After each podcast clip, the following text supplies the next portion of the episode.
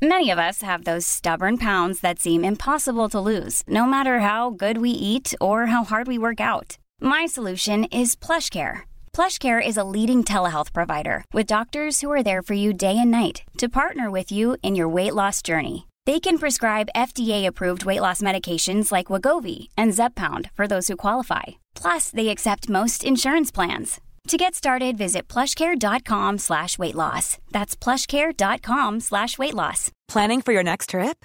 Elevate your travel style with Quince. Quince has all the jet-setting essentials you'll want for your next getaway, like European linen, premium luggage options, buttery soft Italian leather bags, and so much more. And is all priced at 50 to 80% less than similar brands. Plus, Quince only works with factories that use safe and ethical manufacturing practices. Pack your bags with high-quality essentials you'll be wearing for vacations to come with Quince. Go to quince.com slash pack for free shipping and 365-day returns. Ever catch yourself eating the same flavorless dinner three days in a row? Dreaming of something better? Well, HelloFresh is your guilt-free dream come true, baby. It's me, Kiki Palmer. Let's wake up those taste buds with hot, juicy pecan-crusted chicken or garlic butter shrimp scampi. Mm. Hello Fresh. Stop dreaming of all the delicious possibilities and dig in at HelloFresh.com. Let's get this dinner party started.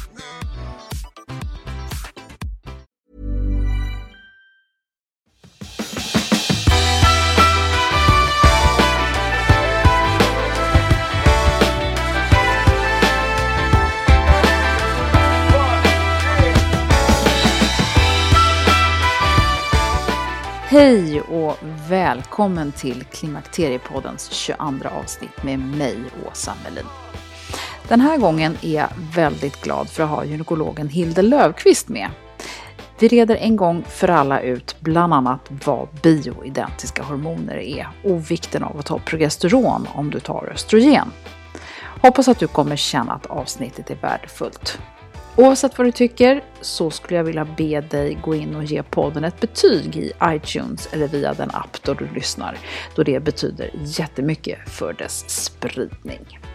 Men nu kör vi igång med Hilde Löfqvist. Välkommen!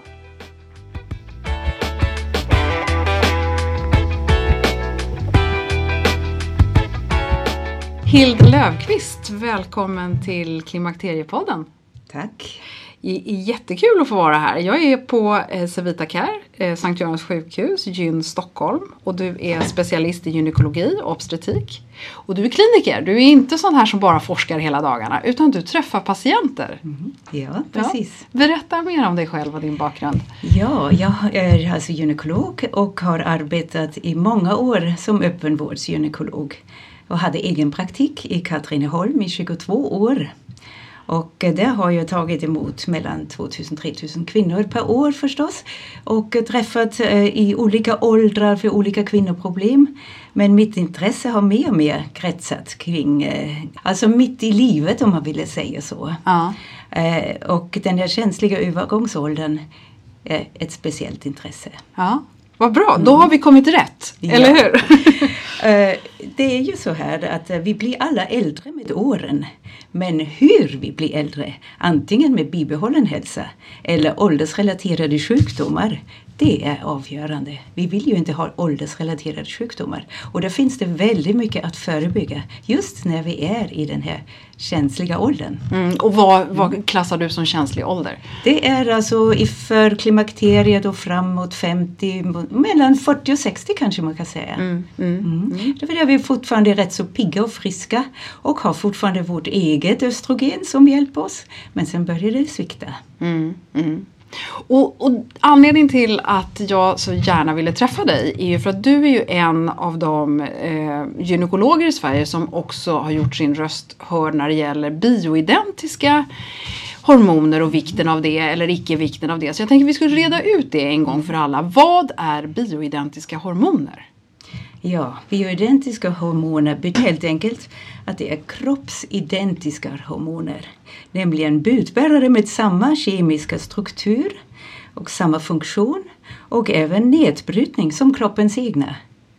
Och till skillnad från så kallade, ja möjligen naturliga hormoner man kan säga, eh, som fytoöstrogener i soja eller det som eh, i USA mest använder östrogenpreparaten från hästar, så kallade konjugerade östrogener, som helt andra, eh, de är alltså helt andra kemiska kroppsfrämmande ämnen. Ja.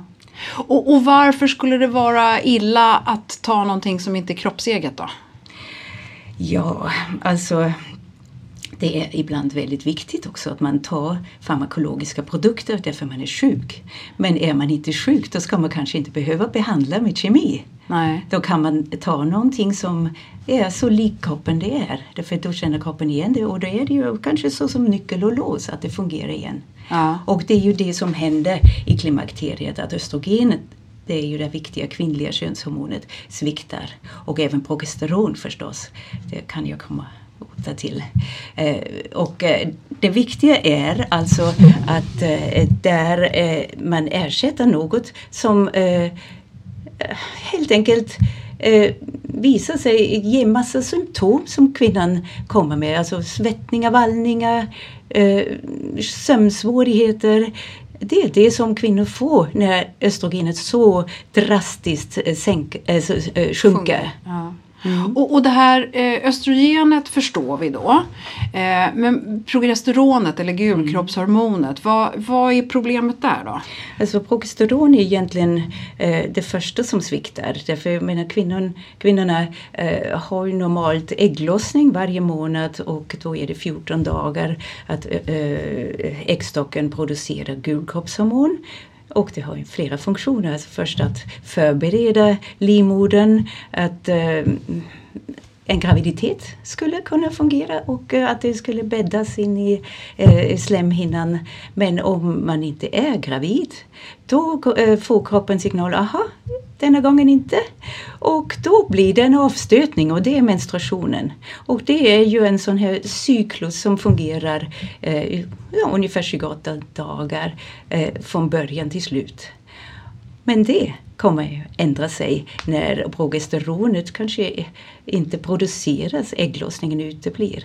Då blir det ändå en ganska bra östrogenproduktion och eh, livmoderslemhinnan växer till och eh, det händer ingenting annat än att det byggs på. Och då eh, kommer kanske inte menstruationen och det blir förskjutet och då kanske kan bli ganska jobbiga blödningar senare fram. Så det blir helt enkelt ingen ordning längre. Nej. Så det är alltså progesteronet som sviktar i början. Okay. Och det finns det förstås mycket annat också med det här att man får andra symptom. Eh, att man känner sig svullen, man får bröstspänningar. Man mår helt enkelt inte bra. Och det kallar jag det en obalans. Och där, där kan man redan behandla i detta skede. Plus senare när östrogenet sviktar. Och, och, när eh, det här förklimakteriet, när då mensen börjar hoppa, ibland kommer den tätt och ibland kommer den längre ifrån. Då är ju det typiskt då att, att progesteronet, inte gulkroppshormonet, Mm. produceras inte. Precis. Om man, om man då eh, tar det här med bioidentiska hormoner så är det ju inte alla gynekologer som skriver. Kan vi börja med, med östrogenet då? För att det östrogen som skrivs ut i Sverige det är ju oftast, så vitt jag vet, östradiolbaserat och det är bioidentiskt. Ja, alltså det motsvarar ju det som eh, är den kemiska strukturen, alltså östradiol. Och det har vi i Sverige i de flesta preparaten. Vare sig man tar oralt eller plåster. Ja, visst. Men man kan ju kanske säga att plåster överhuvudtaget, allt man, kör, eh, man använder eh, genom huden är lite mer skonsamt. Därför det minimerar risken för propp och det belastar inte levern. Nej. Så att det är egentligen det som är nummer ett nu för tiden.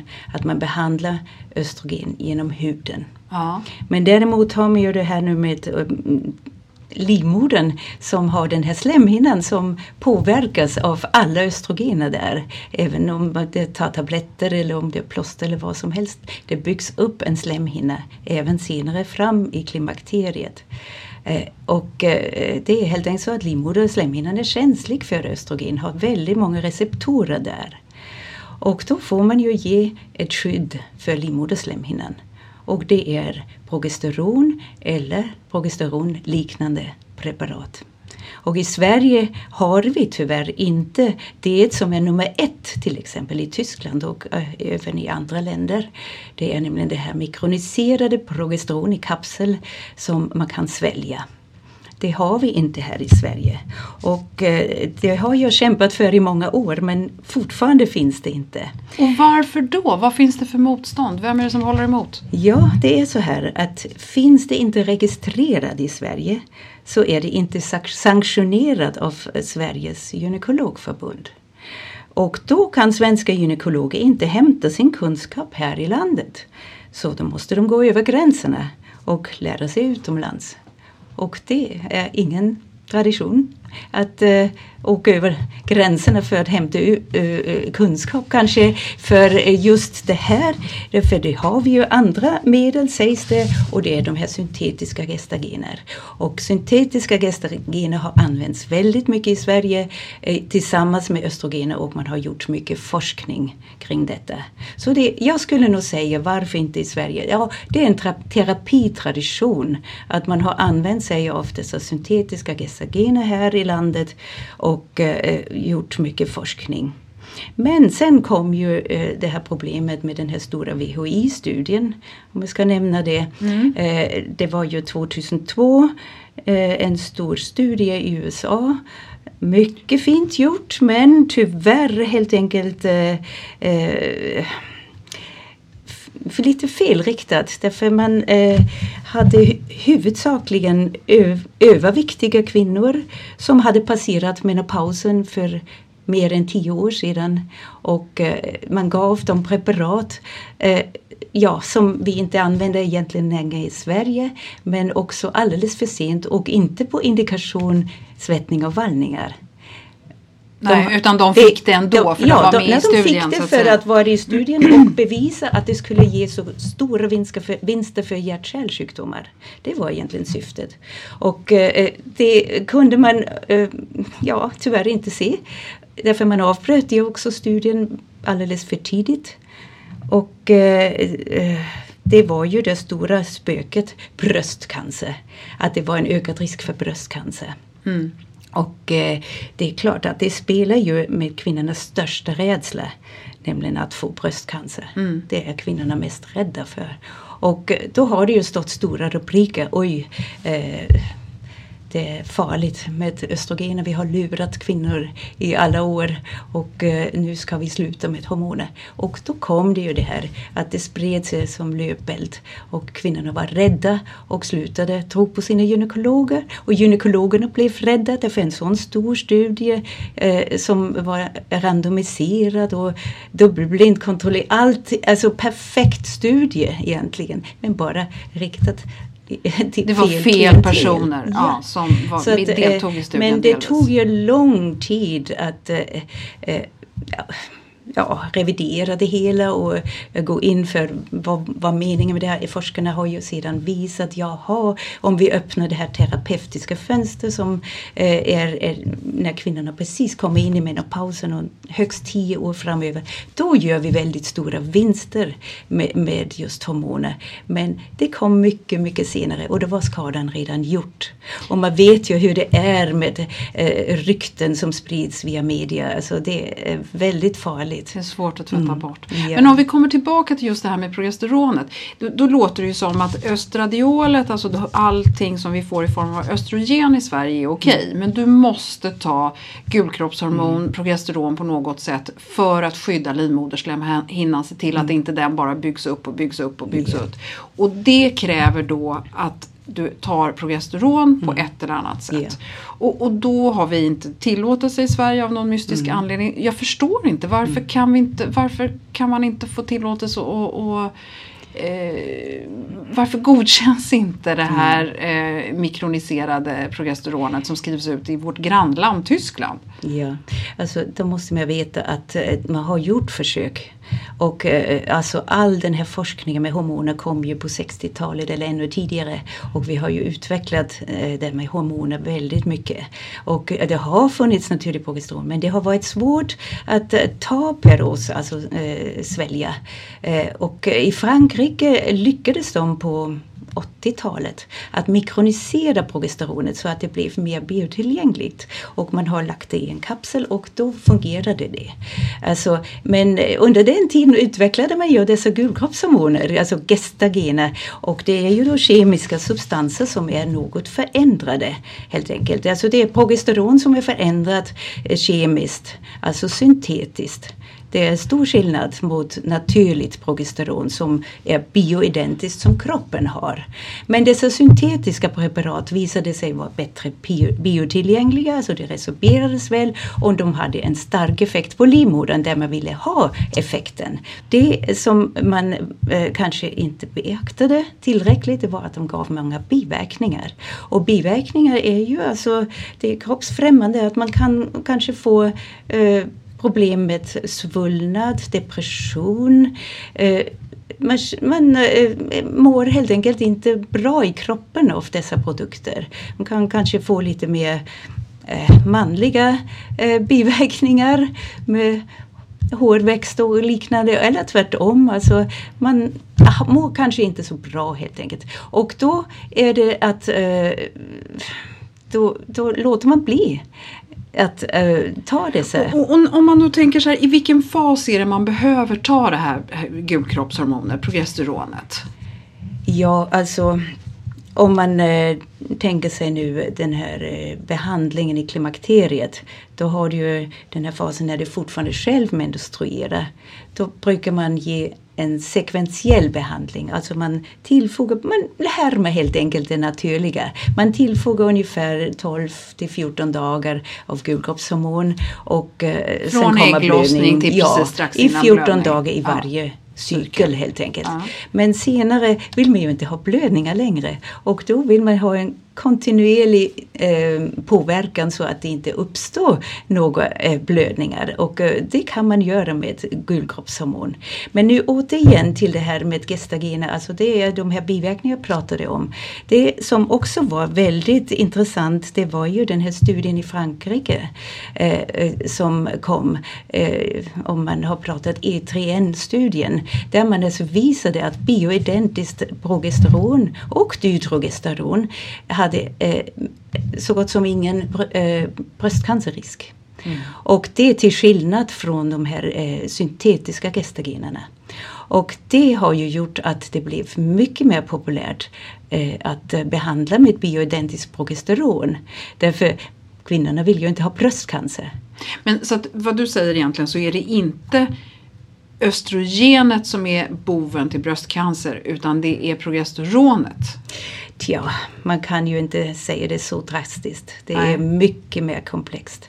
Men de här studierna talade ju för att egentligen var det här gestagenet inte bra. Mm. Och nu för tiden har man ju alltså då reviderat det här och sagt ja, det är därför har blivit så stort med äh, äh, bioidentiskt progesteron.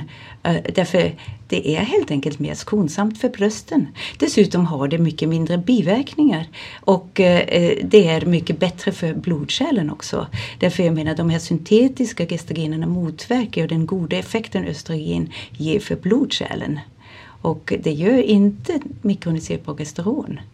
Så att det är i alla avseende bäst att använda.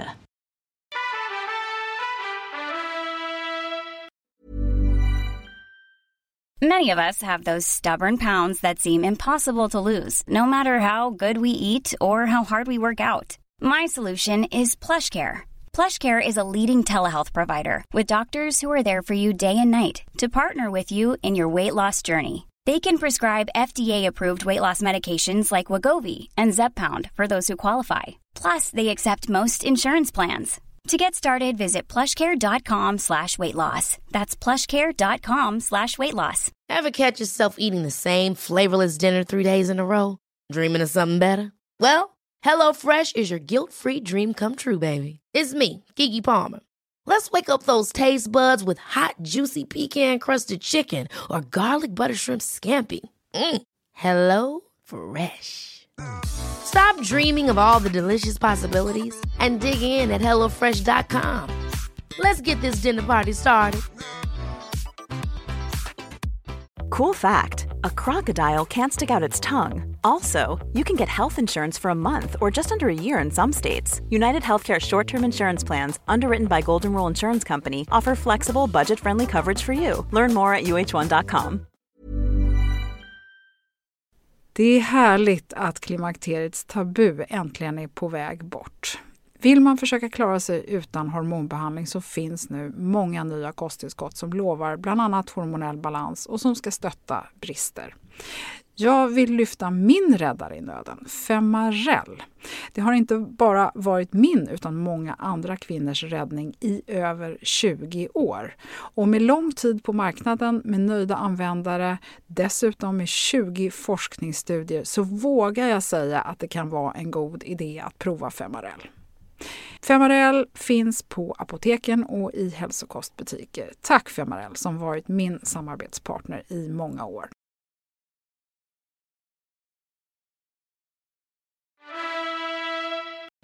Och då har vi ett problem här för då är ni inte så många gynekologer som skriver ut det här. Eh, du är en av dem och du skriver ut det här då på eh, licens har jag förstått. Ja. Och då är ni några till i Sverige eh, men kanske inte så många. Så nu får du en jättekö här utanför din dörr ja, när ja. lyssnarna hör det här.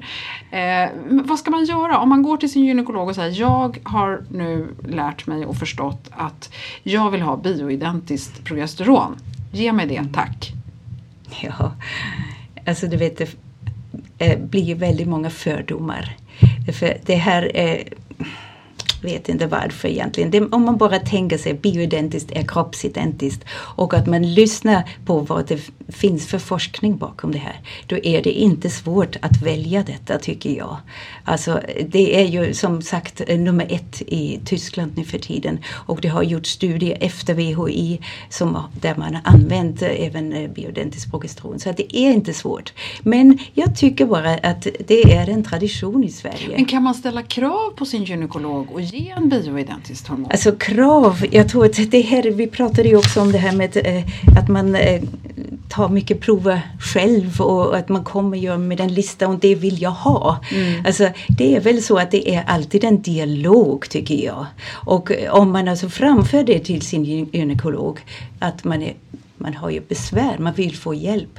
Då, då får man ju prata om det här. Och har den här äh, gynekologen ingen erfarenhet och ingenting, ja då får ju den här gynekologen hänvisa till de som kan. Mm. Det är mycket enkelt. Men, men så vad du säger är att det finns möjlighet för de flesta gynekologer i Sverige att skriva ut bioidentiskt progesteron som man tar oralt. Eh, oh ja.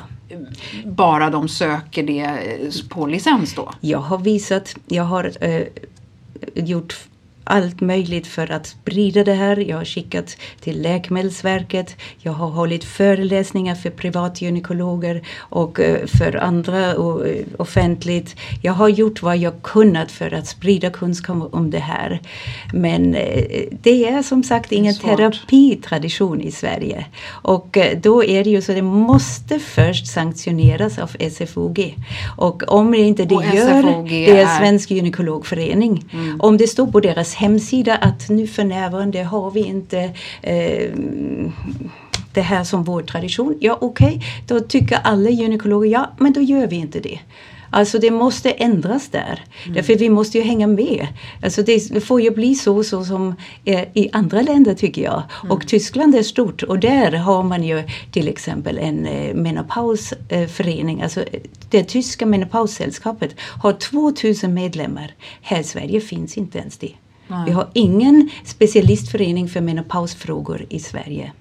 Nej, vi har ju väldigt dåligt med information. Det ser man ju bara på så många lyssnare som eh, faktiskt eh, tackar för den här podden bara för att det är så svårt att få information och få yeah. korrekt information.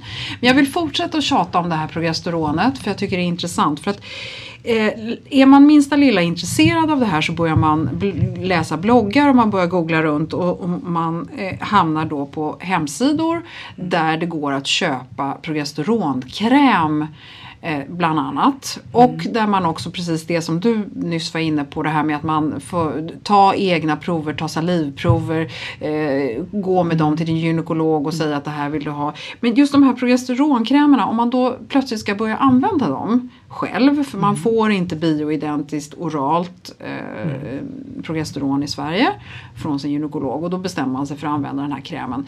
Vad, vad, vad tycker du om den självmedicineringsprincipen? Ja, alltså jag tycker jag att eh, vi gynekologer behöver ta hand om patienter som söker för, för de här besvären. Och vi sitter ju inne med kunskap och då skulle vi hjälpa och leda eh, kvinnan just mitt i livet där, där det finns de här problemen. Och eh, där börjar vi med en gynekologisk undersökning. Vi måste ju höra också först om alla symptom. Det kan ju vara en annan sjukdom bakom alla dessa besvär. Så man måste ju utesluta andra sjukdomar först. Och en gynekologisk radiologisk undersökning. Vi har ju väldigt bra hjälpmedel med ultraljud. Vi kan se på livmoderslemhinnan på äggstockar. Och, och, och, alltså vi är ju i alla fall rutinerade med detta. Och eh, då kan man ju skräddarsy en bra terapi för patienten. Då behöver man inte ta eh, massa onödiga prover i förväg. Och man ska helst inte experimentera med sin kropp och köpa saker och ting som man inte vet vad det är frågan om. Och det handlar ju om hormoner, det är ju effektiva medel. Mm. Men äh, det är klart, det här med äh, krämen, det är nämligen ett problem. Alltså den här krämen är ju äh, också, om den verkligen innehåller progesteron, effektiv. Mm. Men eh, det finns även kräm där det innehåller bara jamsroten eller extrakt ifrån jamsroten som är då grunden till progesteron. Men då saknas ju ett enzym som heter dioskinin och där eh, omvandlas ju inte eh, alltså det här ämnet in i progesteron. Så den här eh, krämen som kallas Wild Jam, det innehåller inte progesteron. Så då blir ju kvinnan lurad. Mm. Men det finns ju alltså progesteronkrämer på nätet vet jag som innehåller mikroniserat progesteron. Mm. Och eh, om man stryker det på huden då kan man ju sedan ta blodprover och se att ja, det finns ingen ökning av progesteron i blodet, i serum alltså. Och varför det? Ja, det, den gåtan är inte riktigt löst än. Det finns väldigt få studier om transdermalt, alltså transdermalt betyder genom huden progesteronapplikation alldeles för få studier också som visar att progesteron verkligen ska komma till livmodern där. Men, alltså, men där hävdar ju då de som tror på eh, sån här progesteronkräm, då hävdar ju de att det är därför som du då måste göra salivtester eller du behöver göra urintester istället för de typer av prover som är vanligt hos gynekologer här i Sverige, det vill säga blodprover. Mm. Ja, men salivtester visar höga koncentrationer av progesteron. Men du kan fortfarande inte bevisa hur det här progesteronet i saliv liven kommer till livmodern. Så att det Aha, finns alldeles för lite okay. forskning bakom det. Och dessutom har man måste gjort... det in i blodet för att det ska komma till godo? Ja, så hur ska det komma till livmodern? Det är ah. ju lite svårt. Ah. Alltså, det är livmoderslemhinnan som måste vara påverkad. Mm. Så, så, du anser att lösningen är att ta progesteron oralt, inte via kräm? Alltså, det är två olika saker nu. Om du alltså tar en progesteronkräm. Det finns en del eh, gynekologer i Tyskland till exempel har nyligen lyssnat eh, på en föreläsning som även det tyska menopaussällskapet arrangerade. Det är en kvinna som har väldigt god erfarenhet med eh, progesteronkräm uppträdde och det är en gynekolog. Men hon är ju väldigt eh, strikt med eh, sin förskrivning och, eh, och kontrollerar allt med ultraljud och så vidare. Så att där har vi ju i alla fall professionen som tar hand om det här. Mm. Men det som jag inte eh, gillar här att det ligger helt utan utanför professionen. Alltså det är ingen kontroll över detta. Alltså kvinnorna som kommer till mig och säger jag tar det där progesteronet eh, som jag eh, tar på armen. Ja. ja. Eh, de vet ju inte hur mycket de ska ta. De, det är villkorligt så mycket och lite till ungefär. Mm. Alltså det är helt enkelt inte kontroll över det hela. Nej. Och eh, även eh, vi har ju så fantastiska verktyg med eh, alltså, gynekologiska undersökningar mm, mm. att kunna kontrollera detta. Sen är det en sak till, alltså an, använder de bara progesteronkräm, okej. Okay. Men kan, eh, kombinerar man detta med östrogen, östrogenbehandling, det är då man kommer eh, till problem. Därför det är helt enkelt inte visat att det är tillräckligt eh, för livmoderslemhinnan att skydda med progesteronkräm. Så du kan ta östrogen genom huden, det är ju utmärkt. Men progesteron ska helst vara eh, genom munnen eller vaginalt. Det är en annan applikation. Att man tar alltså det som man annars tar inom IVF, infertilitetsbehandlingen, det har vi i Sverige. Förresten har vi ju eh, vi har progesteron i Sverige, den naturliga. Men det används bara för att till exempel hjälpa till i, inom IVF. Alltså när man har gjort eh, den här behandlingen, då ska man ju när man har blivit gravid ta ganska länge progesteron vaginalt för att graviditeten ska inte äventyras. För att det ska, ägget ska fästa ordentligt? Ja, precis. Ja. Men, men då här, de här eh, hormonspiralerna som vi har i Sverige, mm de innehåller ju progesteron. Det innehåller eh, ett eh, konstgjort. Ja, så eh, det finns i Sverige eh, inte heller? Ett, ett gestagen alltså. Ja, ja jag förstår. Mm. För, men tycker du det ändå är skonsammare mm. eh, än oralt? Eller finns det ja. ingen gradering där? Ja, alltså om jag skulle välja hur vi skulle ha det i Sverige. Ja. Då skulle jag säga som i Tyskland, alltså det mest naturliga är att man går efter det som kroppen eh, känner igen och det är ändå bioidentiskt. Eh, en hormonspiral tycker jag är faktiskt eh, också något som är väldigt bra för kvinnor som haft mycket blödningar och som helst eh, ville ha någonting som de inte behöver tänka på. Alltså det håller ju i fem till sju år i klimakteriet. Alltså det, det är ett gott skydd eh, för ganska länge. Eh, och eh, då kan de ha sina östrogenplåster eller kräm eller någonting med östrogen och har ett skydd inbyggt så att de inte blöder och att eh, livmoderslemhinnan eh, inte kan attackeras av östrogen kan man säga. Och den konstgjorda eh, gulkroppshormoner som man då, gestagenet, som man, eh, progesteronet som man får via den här eh, spiralen. Trots att det då inte är bioidentiskt så menar du att det ändå är skonsammare än det som du tar oralt?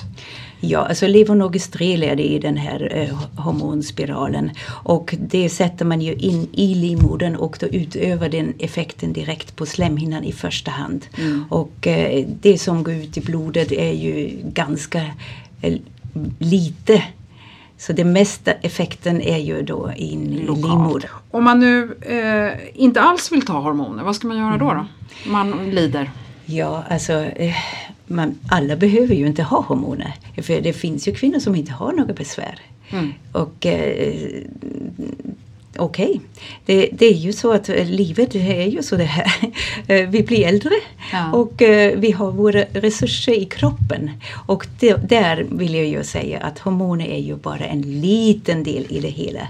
Alltså vad man ska göra när man kommer upp i de här åren där jag säger att man måste tänka sig för för att eh, hålla sig frisk framöver. Och då är det i första hand att man ska tänka på att leva sunt, motionera, äta rätt, hålla vikten, vara lycklig. Det finns så mycket man kan göra själv i första hand. Mm. Men råkar man sedan få en sjukdom då är det ju till exempel bröstcancer ganska besvärligt att eh, om man skulle ha behov av hormonbehandling eh, att ta hormoner, det går ju inte. Därför då är det ju att då ger man ju näring till den här cancern. Mm. Eh, hormoner är väldigt bra näring för bröstcancer. Mm. Alltså hormoner orsakar inte bröstcancer men den påskyndar en utveckling av bröstcancer. Och där har vi problemet. Har man någon gång råkat ut för en bröstcancer, ja, då har man kanske någonstans en cell som är slumrande som man väcker till liv om man ger hormoner igen. Mm. Så att man får ju tänka på det och då eh, kan man tyvärr inte ta hormonbehandling. Men då kan man ju göra mycket annat av allt det här andra som jag sa. Ja, om man eh, motionerar och sköter sig och alltihopa. Finns. Har du något annat, finns det någon annan liksom, medicin eller något annat som man liksom, kan ta? Som, eh, eller tror du på kosttillskott? Eller vad, vad finns det någon mm. annan hjälp? Ja, alltså det beror ju på vilka besvär du nu har. Om du har väldigt starka sömnbesvär till exempel om de har väldigt starka svettningar. Mm. Alltså till exempel bröstcancerpatienter. Eh, det är ju då eh, antidepressiva använda för att eh, motverka svettningar. Mm. Och, och sömnmedel får man ta sömnmedel, för att ja. det? Och ja. ja, rätt sömnhygien och allt det här. Alltså, ja. eh, sådana här besvär kan ju vara övergående. Så småningom anpassar sig kroppen. Och sen vill jag säga en sak, det här med stress. Vårt samhälle är ju speciellt nu för tiden. Kvinnorna är så stressade och eh, där behöver vi återhämtningsfaser och eh, minska stressen. Mm. En sak som blir lite kontra, eh, man får lite olika besked beroende på vad man ser. Det, det, är när man pratar om motion. Att det är jätteviktigt att röra på sig och det är viktigt att få upp pulsen och allt det här. Mm. En del frågar lite grann om, om det här med uthållighetsträning. Mm. Och en del säger då att när man kommer i den här åldern att man ska ta det lite lugnare och kanske inte hålla på att springa triathlon eller springa och springa, springa maraton och, och utföra mm. triathlon och såna här riktiga långa löprunder i skogen på flera timmar och, och flera mil och sådär. Har du någon åsikt om det? Ja, alltså, ja, alltså jag tycker ju att det är bra att man gör så som det passar för en. Om man är en väldigt överviktig person till exempel och eh, tar ut sig alldeles för mycket och springer, ja då får man ju letbesvär. Om man är en, en eh, slank eh, kvinna med långa ben, jag vet inte, då är det ju ibland väldigt bra med springträning, alltså med ja. löpträning. Ja, nej, du har ingen synpunkt det, på om man springer i inget, två timmar eller nej, en halvtimme? Alltså jag nej. tror man ska lyssna på sig själv. Alltså, och man måste tänka på sin kropp, hur man är och vad man tycker om att göra också. Mm. För det är ju det viktigaste har vi missat någonting som vi bara ska lägga till här? Du har så mycket kunskap. Jag skulle kunna sitta här i flera dagar och prata med dig känns det som. Är det någonting du bara vill lägga till som, som tröst och, och, och råd till, eh, till kvinnorna där ute som lyssnar? Ja, jag tycker alltså kvinnorna ska inte vara rädda för hormoner om det är alltså berättigat att få behandling. Alltså jag förstår att det är många som är rädda för bröstcancer och det går alltid att diskutera det här och jag kan berätta mycket mer om allt det här när de kommer. Och det brukar ju också gynekologerna göra, hoppas jag i alla fall. Ja. att, att man eh, berättar eh, att det finns ju så mycket fördomar. Det är det som jag vill komma åt. Mm. Jag vill ta bort fördomar och berätta hur det kan vara. Och det finns alltså väldigt mycket nytta med att behandla så som man känner igen sig och man eh, klarar av att eh, arbeta som vanligt och vara lycklig och sova gott. Alltså allt det här kan åstadkommas när man får rätt hormonbehandling. Mm. Och det önskar jag alla kvinnor. Punkt slut. Tusen tack Hilde. Tack. Tack.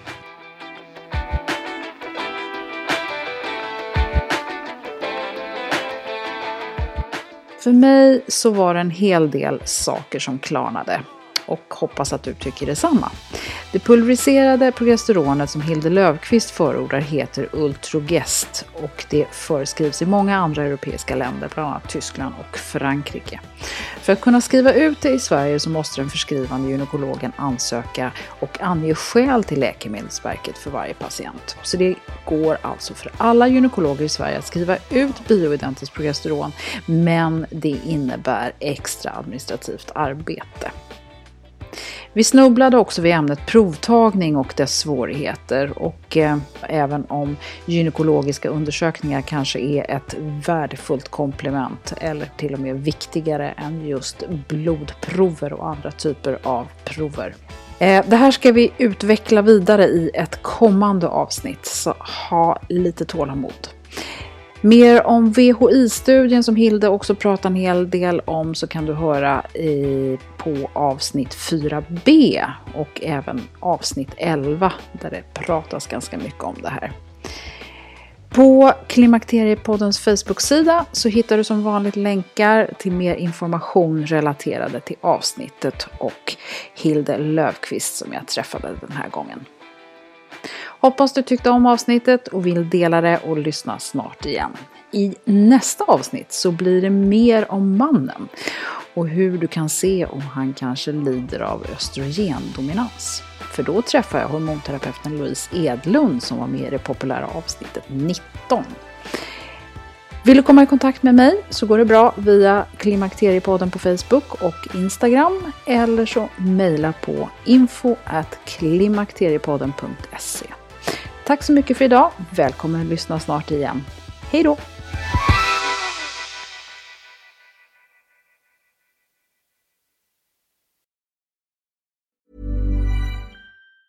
Hej, it's Danny Pellegrino from Everything Iconic. Ready to upgrade your style game without blowing your budget? Check out Quince. They've got all the good stuff, shirts and polos, activewear and fine leather goods all at 50 to 80% less than other high end brands. And the best part? They're all about safe, ethical, and responsible manufacturing. Get that luxury vibe without the luxury price tag. Hit up quince.com slash upgrade for free shipping and 365 day returns on your next order. That's quince.com slash upgrade. Ever catch yourself eating the same flavorless dinner three days in a row? Dreaming of something better? Well, HelloFresh is your guilt free dream come true, baby. It's me, Gigi Palmer. Let's wake up those taste buds with hot, juicy pecan crusted chicken or garlic butter shrimp scampi. Mm. Hello Fresh. Stop dreaming of all the delicious possibilities and dig in at HelloFresh.com. Let's get this dinner party started. Imagine the softest sheets you've ever felt. Now imagine them getting even softer over time. That's what you'll feel with Bowl and Branch's organic cotton sheets. In a recent customer survey, 96% replied that Bowl and Branch sheets get softer with every wash. Start getting your best night's sleep in these sheets that get softer and softer for years to come. Try their sheets with a 30-night guarantee. Plus, get 15% off your first order at bowlandbranch.com. Code BUTTERY. Exclusions apply. See site for details.